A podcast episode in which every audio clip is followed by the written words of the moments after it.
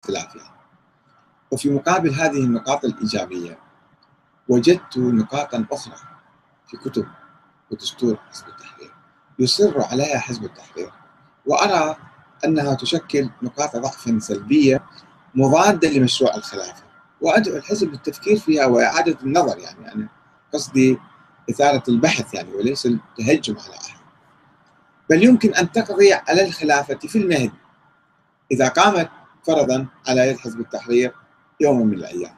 وهي واحد تحليل عوامل انهيار الدولة الإسلامية. يحاول حزب التحرير أن يحلل عوامل انهيار هذه الدولة وأرى أن أنه يعني يسلط الضوء على العوامل الثقافية أكثر من العوامل السياسية. اثنين دعوة استمرار الخلافة عبر التاريخ. كل خلاف الخلفاء الباطلين والظالمين واللي إجوا بالقوة والوراثة والعهد والاستخلاف كلهم يعتبرهم أيضا خلفاء هؤلاء.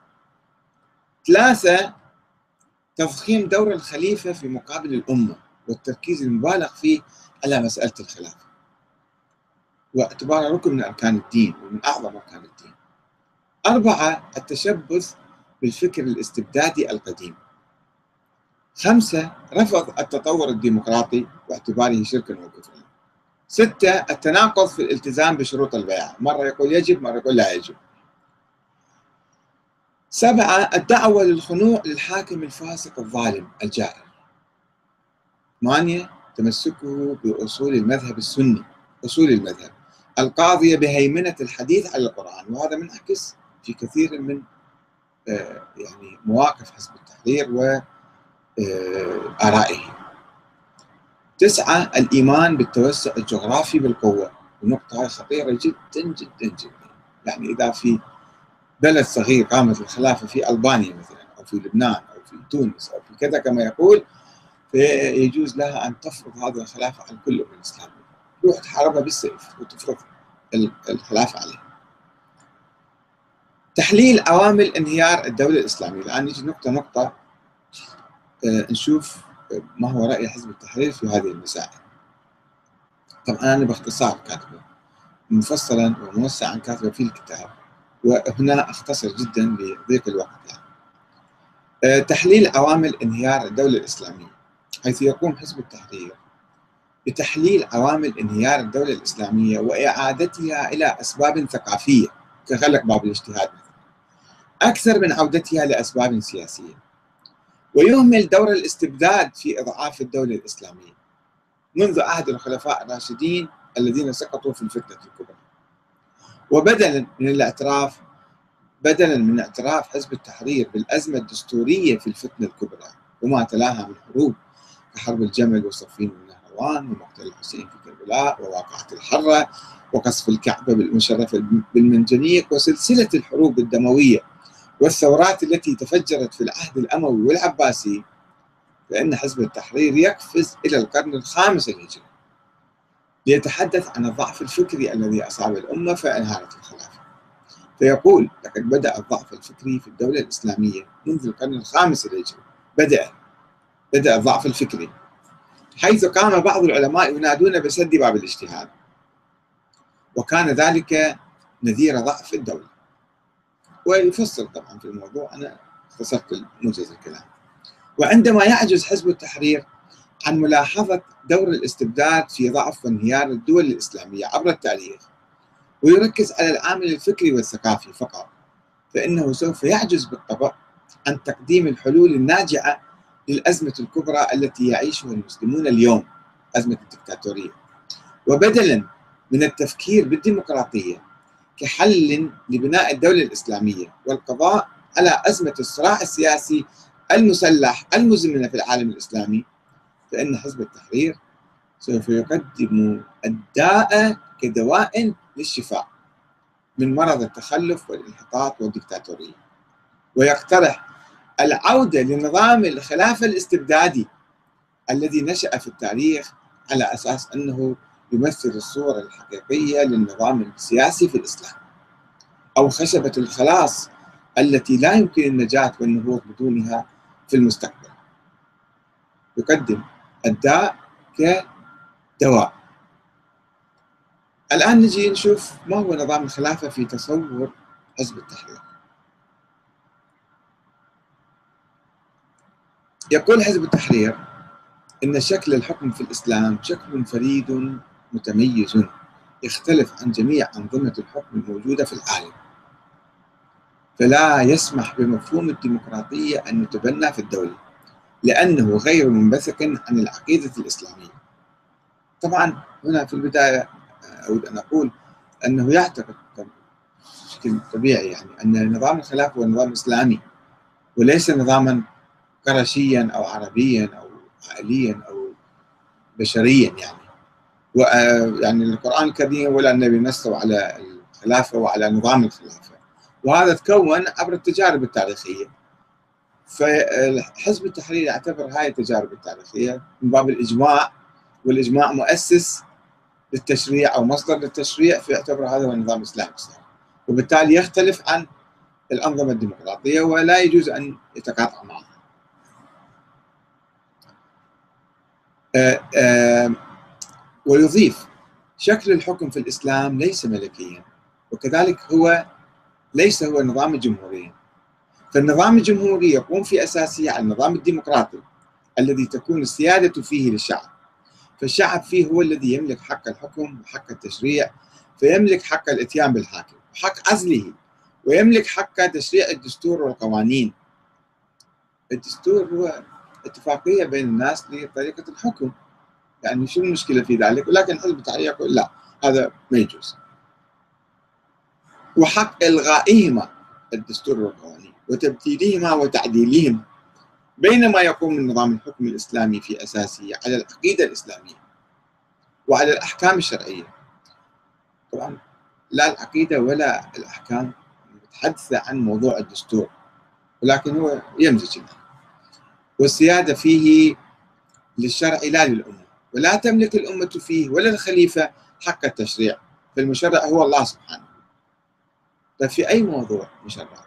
في مواضيع محددة الله مشرع فيها. في مواضيع أخرى مدنية الله تاركها للناس. لا هذه المساحة ما يفرق بيناتها يخلط وإنما يملك الخليفة أن يتبنى أحكاما للدستور والقانون من كتاب الله وسنة رسوله. كما لا تملك الأمة فيه حق عزل الخليفة. الأمة ما تملك حق الخليفة والذي يعزله هو الشرع لكن الأمة تملك حق تنصيبه لأن الإسلام قد جعل السلطان والحكم لها. طيب ليش إذا هي تعين ما لها حق تعزله؟ فتنيب عنها من تختاره وتبايعه. وإذا بايعته خلص بعد صار خارج عن إرادتها. ويشرح حزب التحرير مفهومه لنظام الخلافة الفريد. بالقول إن نظام الخلافة لا يوجد فيه وزراء ولا مجلس وزراء. مع الخليفة، هذه مسائل تفصيلية جزئيه ولكن كبرها حزب التحرير. ولا مجلس وزراء مع الخليفة بالمعنى الديمقراطي لهم اختصاصات وصلاحيات وإنما في معاونون وهم وزراء يعينهم الخليفة ليعاونوه في تحمل اعباء الخلافة والقيام بمسؤولياتها. وهم وزراء تفويض ووزراء تنفيذ. هذه حكاية من العهد العباسي اللي هم كانوا ينصرفون إلى ملاهيهم وشؤونهم الخاصة ويفوضون الخلافة للحكام المتسلطين عليهم من السلاجقة والبويهيين وغيرهم. هو يعتبر هذه تجربة أيضا إسلامية. وحين يترأسهم الخليفة يترأسهم بوصفه رئيسا للدولة. لا بوصفه رئيسا للوزراء أو رئيسا للهيئة التنفيذية لأنه لا يوجد معه مجلس الوزراء له صلاحيات فالصلاحيات كلها للخليفة.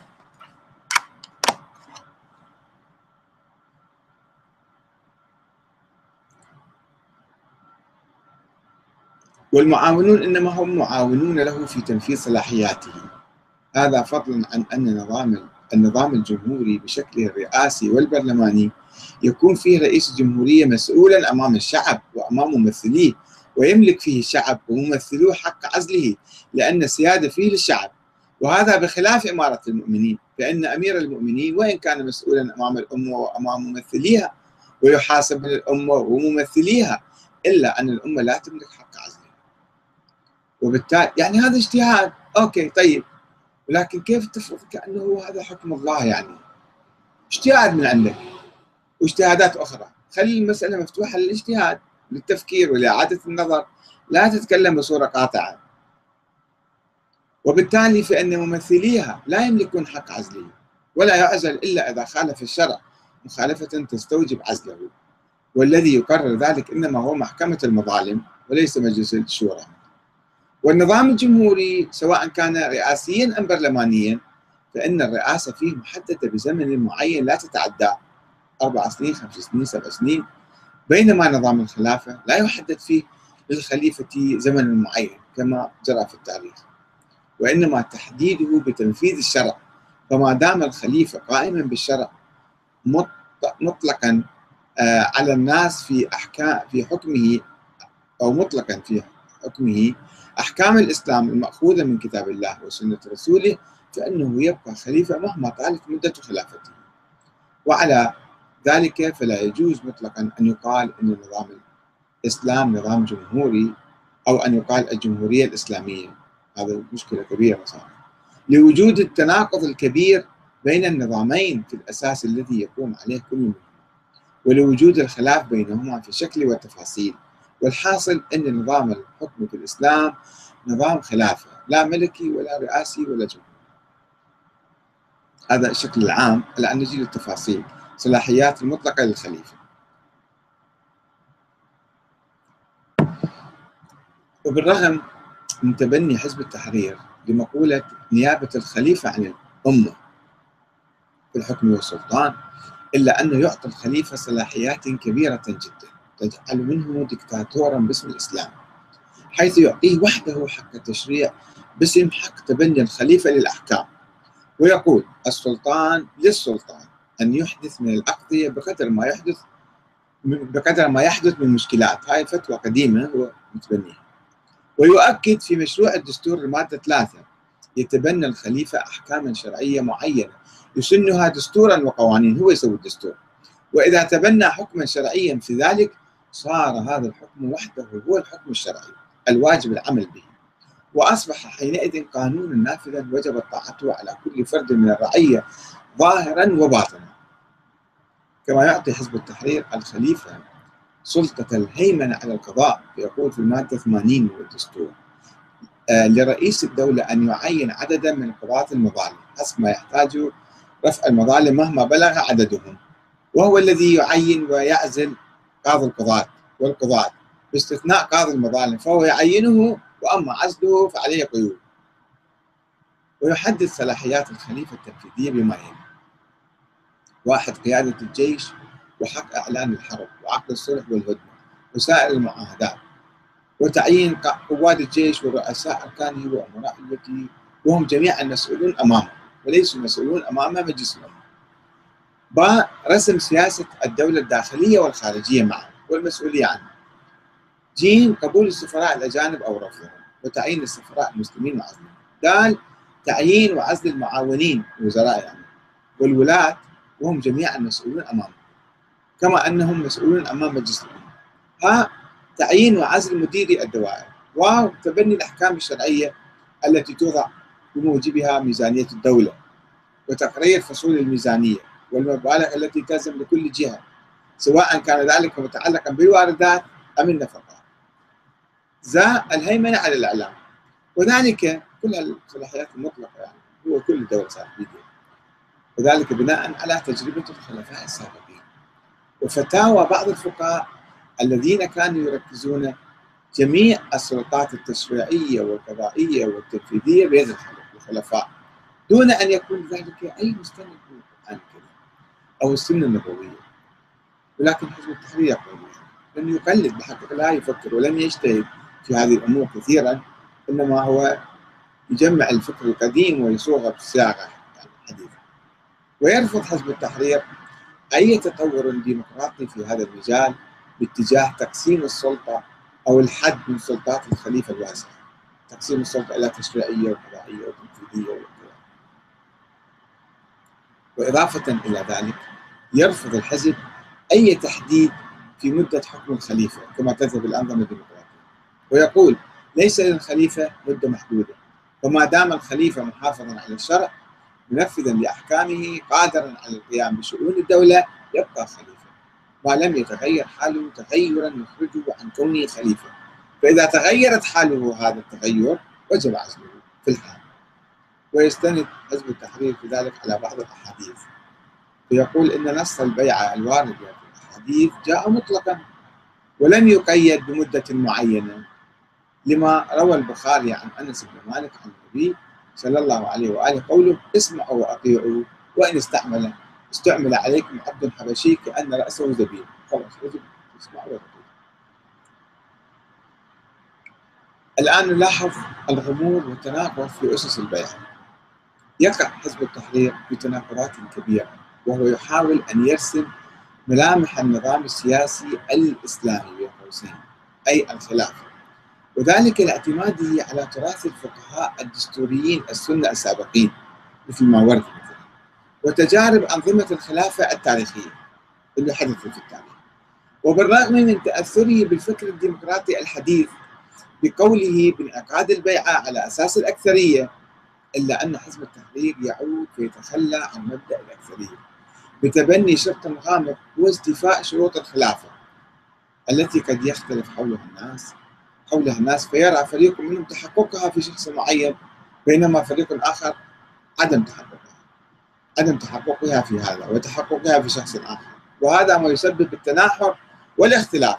فيكون اعتماد الأكثرية حلا للخلاف ولكن حزب التحرير يتردد بين الأمرين. فيقول إن اجتمع عدة ممن توفرت فيهم صفات الخليفة فالخليفة من انعقدت له البيعة من الأكثر والمخالف باغ.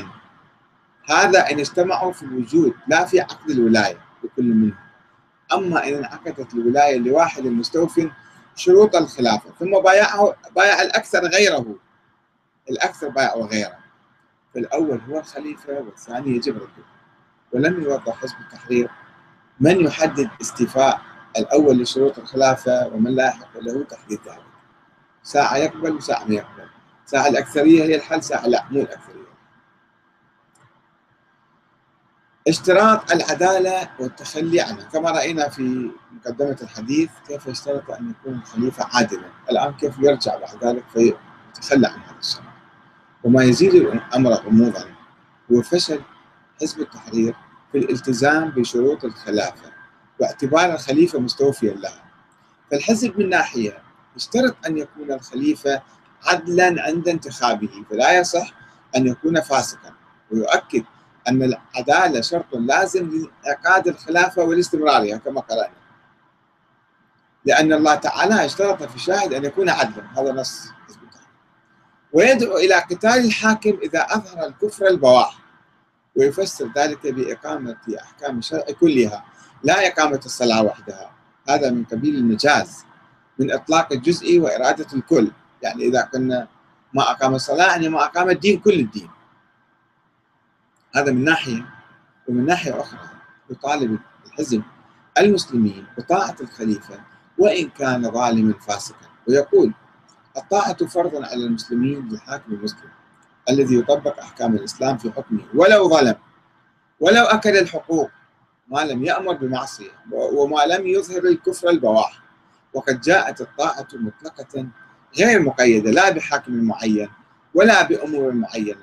فيكون الواجب طاعة أي حاكم من المسلمين ولو كان ظالما ولو كان فاسقا ولو كان يأكل أموال الناس بالباطل فإن طاعته واجب لأن الأدلة مطلقة غير مقيدة فتبقى على إطلاقها. بهذه البساطة ينظر لمصير المسلمين. ويستدل على ذلك بأحاديث تدل على وجوب طاعة الحاكم ولو ظلم ولو كان فاجرا. ويقول هذه أحاديث صريحة في وجوب طاعة الحاكم مهما عمل فلا تحل معصية الحاكم مهما فعل ويحرم الخروج عليه ومقاتلته مهما حصل منه.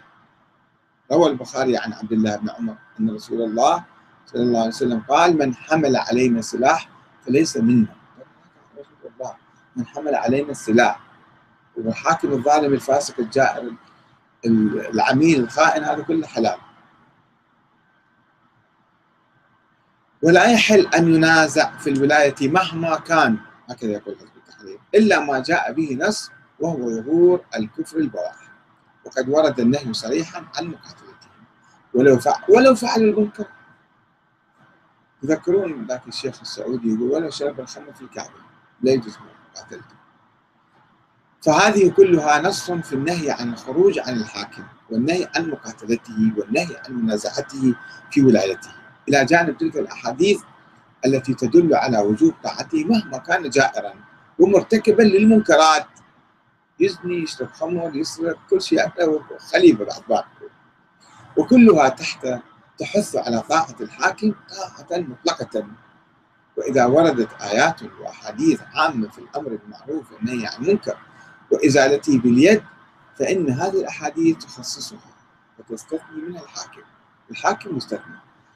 يعني الإنسان عادي يجب أن يؤمر بالمعروف وينهى عن المنكر. الحاكم لا. خلاص الحاكم فوق القانون.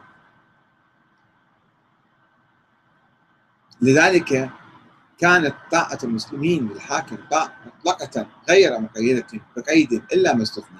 وقد استثني من وجوب طاعة الحاكم شيء واحد وهو الأمر بالمعصية. فإذا أمر الحاكم بمعصية فلا طاعة له فيها. في ذيك المسألة إذا قال له واحد تعال اشرب خمر له أنا ما أشرب ما أطلع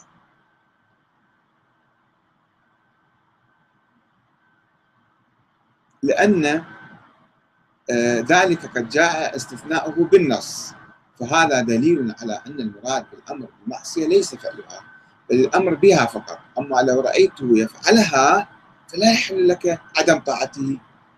أما إن أمرك أن تعصي الله فلا تطعه. لا طاعة لمخلوق في معصية الخالق. هذه هي الحالة الوحيدة المستثناة من الطاعة. ألا وهي الأمر بالمعصية.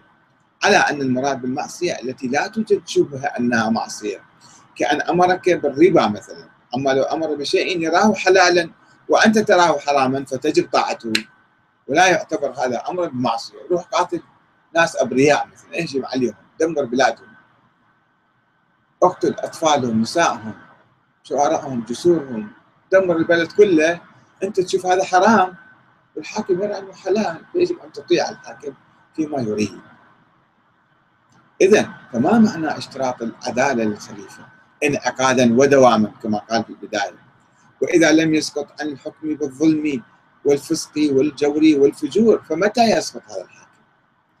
هل يصح إطلاق اسم خليفة عليه؟ إذا كان الخليفة ينتهك أحكام الشريعة ويخالف عقد البيعة مع الأمة فبأي حق يستمر في السلطة؟ وهل يمكن السيطرة على ردود فعل الجماهير المؤمنة والمظلومة وضمان عدم قيامها بالثورة ضد الخليفة؟ وماذا لو حدث ذلك؟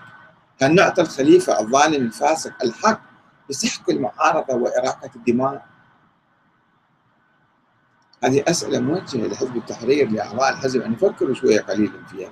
ما ينفع شعار فقط الخلافة وخلص. ولست أدري كيف لم ينتبه حزب التحرير إلى هذا التناقض الكبير الذي وقع به. تقليدا لفقهاء السلاطين السابقين واعتمادا على أحاديث مزورة أو ضعيفة مما ينسف مشروع الخلافة الذي يدعو إليه ويعمل من أجله من الجذور ينسف من الجذور. وربما كان ذلك بسبب عدم قيام حزب التحرير بتحليل عوامل سقوط الدولة الإسلامية والتعرف على أهمها وهي الدكتاتورية والطغيان مما سمح له بإعادة تكرار التجربة مرة أخرى والتمهيد لسقوطها لو قامت في المستقبل.